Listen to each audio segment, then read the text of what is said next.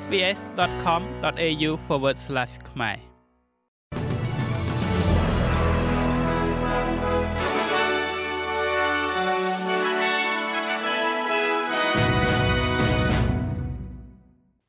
សូមស្វាគមន៍មកកាន់នេតិព័ត៌មានខ្លីៗរបស់ SBS ខ្មែរសម្រាប់ថ្ងៃប្រហ័សទី10ខែសីហាឆ្នាំ2023 ម៉ាឡេស៊ីបានក្លាយជាប្រទេសទី2ហើយដែលផ្អាកការនាំចេញបសុសត្វរស់ពីប្រទេសអូស្ត្រាលី ដោយសារការភ័យខ្លាចនៃការផ្ទុះឡើងនៅជំងឺសើស្បែកកាលពីសប្តាហ៍មុនប្រទេសឥណ្ឌូនេស៊ីបានផ្អាកការនាំចេញពីរោងចក្រអូស្ត្រាលីចំនួន4កន្លែង ដែលកំពុងរងចាំការធ្វើតេស្តបន្ថែមទៀតទៅលើសត្វពាហនៈទាំងនេះបន្ទាប់ពីសត្វគោនាំចេញមួយចំនួនតូចត្រូវបានគេរកឃើញថាមានជំងឺសើស្បែកនេះ។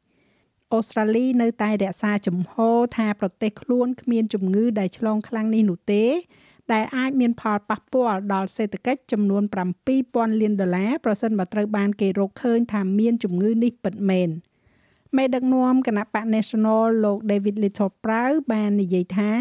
លោកមានទំនុកចិត្តថាប្រទេសអូស្ត្រាលីមិនមានករណីនៃជំងឺនេះទេ ហើយជំនួសមកវិញសត្វទាំងនេះបានឆ្លងនៅក្នុងប្រទេសឥណ្ឌូនេស៊ី។ មួយទៀតនោះគឺពាក់ព័ន្ធជាមួយនឹងកាកសំណល់នុយក្លេអ៊ែរដែលគម្រោងសាងសង់រោងចក្រសម្រាប់ចាក់កាកសំណល់នុយក្លេអ៊ែរនៅតំបន់ជនបទនៃរដ្ឋអូស្ត្រាលីខាងត្បូងត្រូវបានលុបចោលដោយរដ្ឋាភិបាលសហព័ន្ធបន្ទាប់ពីសេចក្តីសម្រេចរបស់តុលាការបានរាំងស្ទះដល់ការសាងសង់របស់ពួកគេ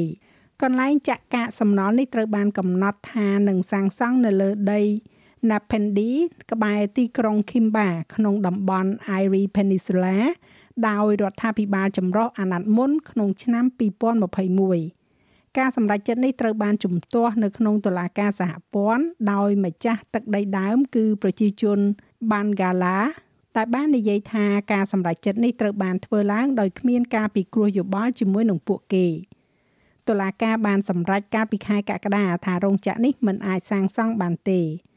រដ្ឋមន្ត្រីក្រសួងធនធានលោកស្រី Madeline King បានប្រាប់សភាសហព័ន្ធថារដ្ឋាភិបាលនឹងស្វែងរកទីតាំងថ្មីសម្រាប់ការស្តុកទុកកាកសំណល់នុយក្លេអ៊ែរទាំងនេះចាំមួយទៀតនោះគឺពាក់ព័ន្ធជាមួយនឹងថ្លៃចំណាយអគិសនីដែលក្រមគ្រួសារខ្លះកំពុងតែបង់ថ្លៃចំណាយច្រើនជាងមុនរហូតដល់ទៅ20%ទៅលើវិក័យប័ត្រធម្មពលរបស់ពួកគេ។ A3C និយាយថាគ្រួសារនិងអាជីវកម្មខ្នាតតូចគួរតែតាក់ទងទៅក្រុមហ៊ុនធម្មពលរបស់ពួកគេ ដើម្បីរកមើលថាតើមានគម្រោងណាថោកជាងនេះដែរឬទេ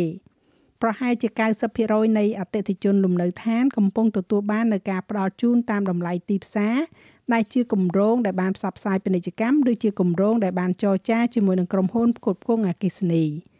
អ្នកដែលនៅសេសសល់គឺស្ថិតនៅលើកិច្ចសន្យាផ្ដល់ជូនដែលត្រូវបានផ្ដល់ឲ្យតាមថ្លៃកំណត់ default price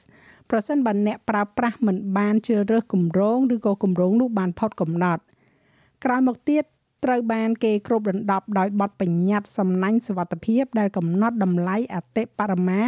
ដែលអាចគិតថ្លៃបាន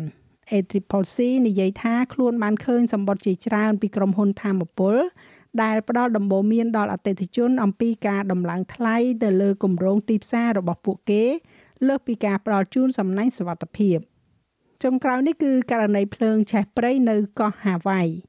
ភ្លើងឆេះព្រៃដែលឆាបឆេះដោយការបក់ផាត់នៃខ្យល់ព្យុះដ៏វែងឆ្ងាយមួយបានសម្លាប់មនុស្សអស់យ៉ាងហោចណាស់6នាក់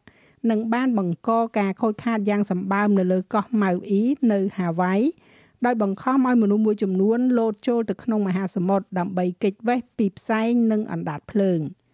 ផ្នែកខាងលិចនៃកោះនេះស្ទើរតែត្រូវបានកាត់ផ្ដាច់ដោយមាននៅសល់តែផ្លូវ highway មួយប៉ុណ្ណោះដែលនៅបើកឲ្យដំណើរការខណៈដែលក្រមមន្ត្រីបានប្រាប់ពីការបំផ្លិចបំផ្លាញយ៉ាងសម្បើមតែវានៅលឿនពេកនៅក្នុងការកំណត់បរិមាណ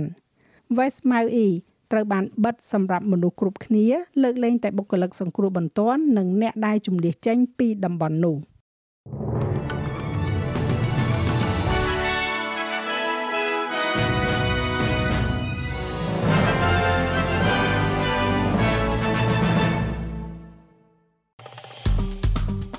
ចុច like share comment និង follow SPS ខ្មែរនៅលើ Facebook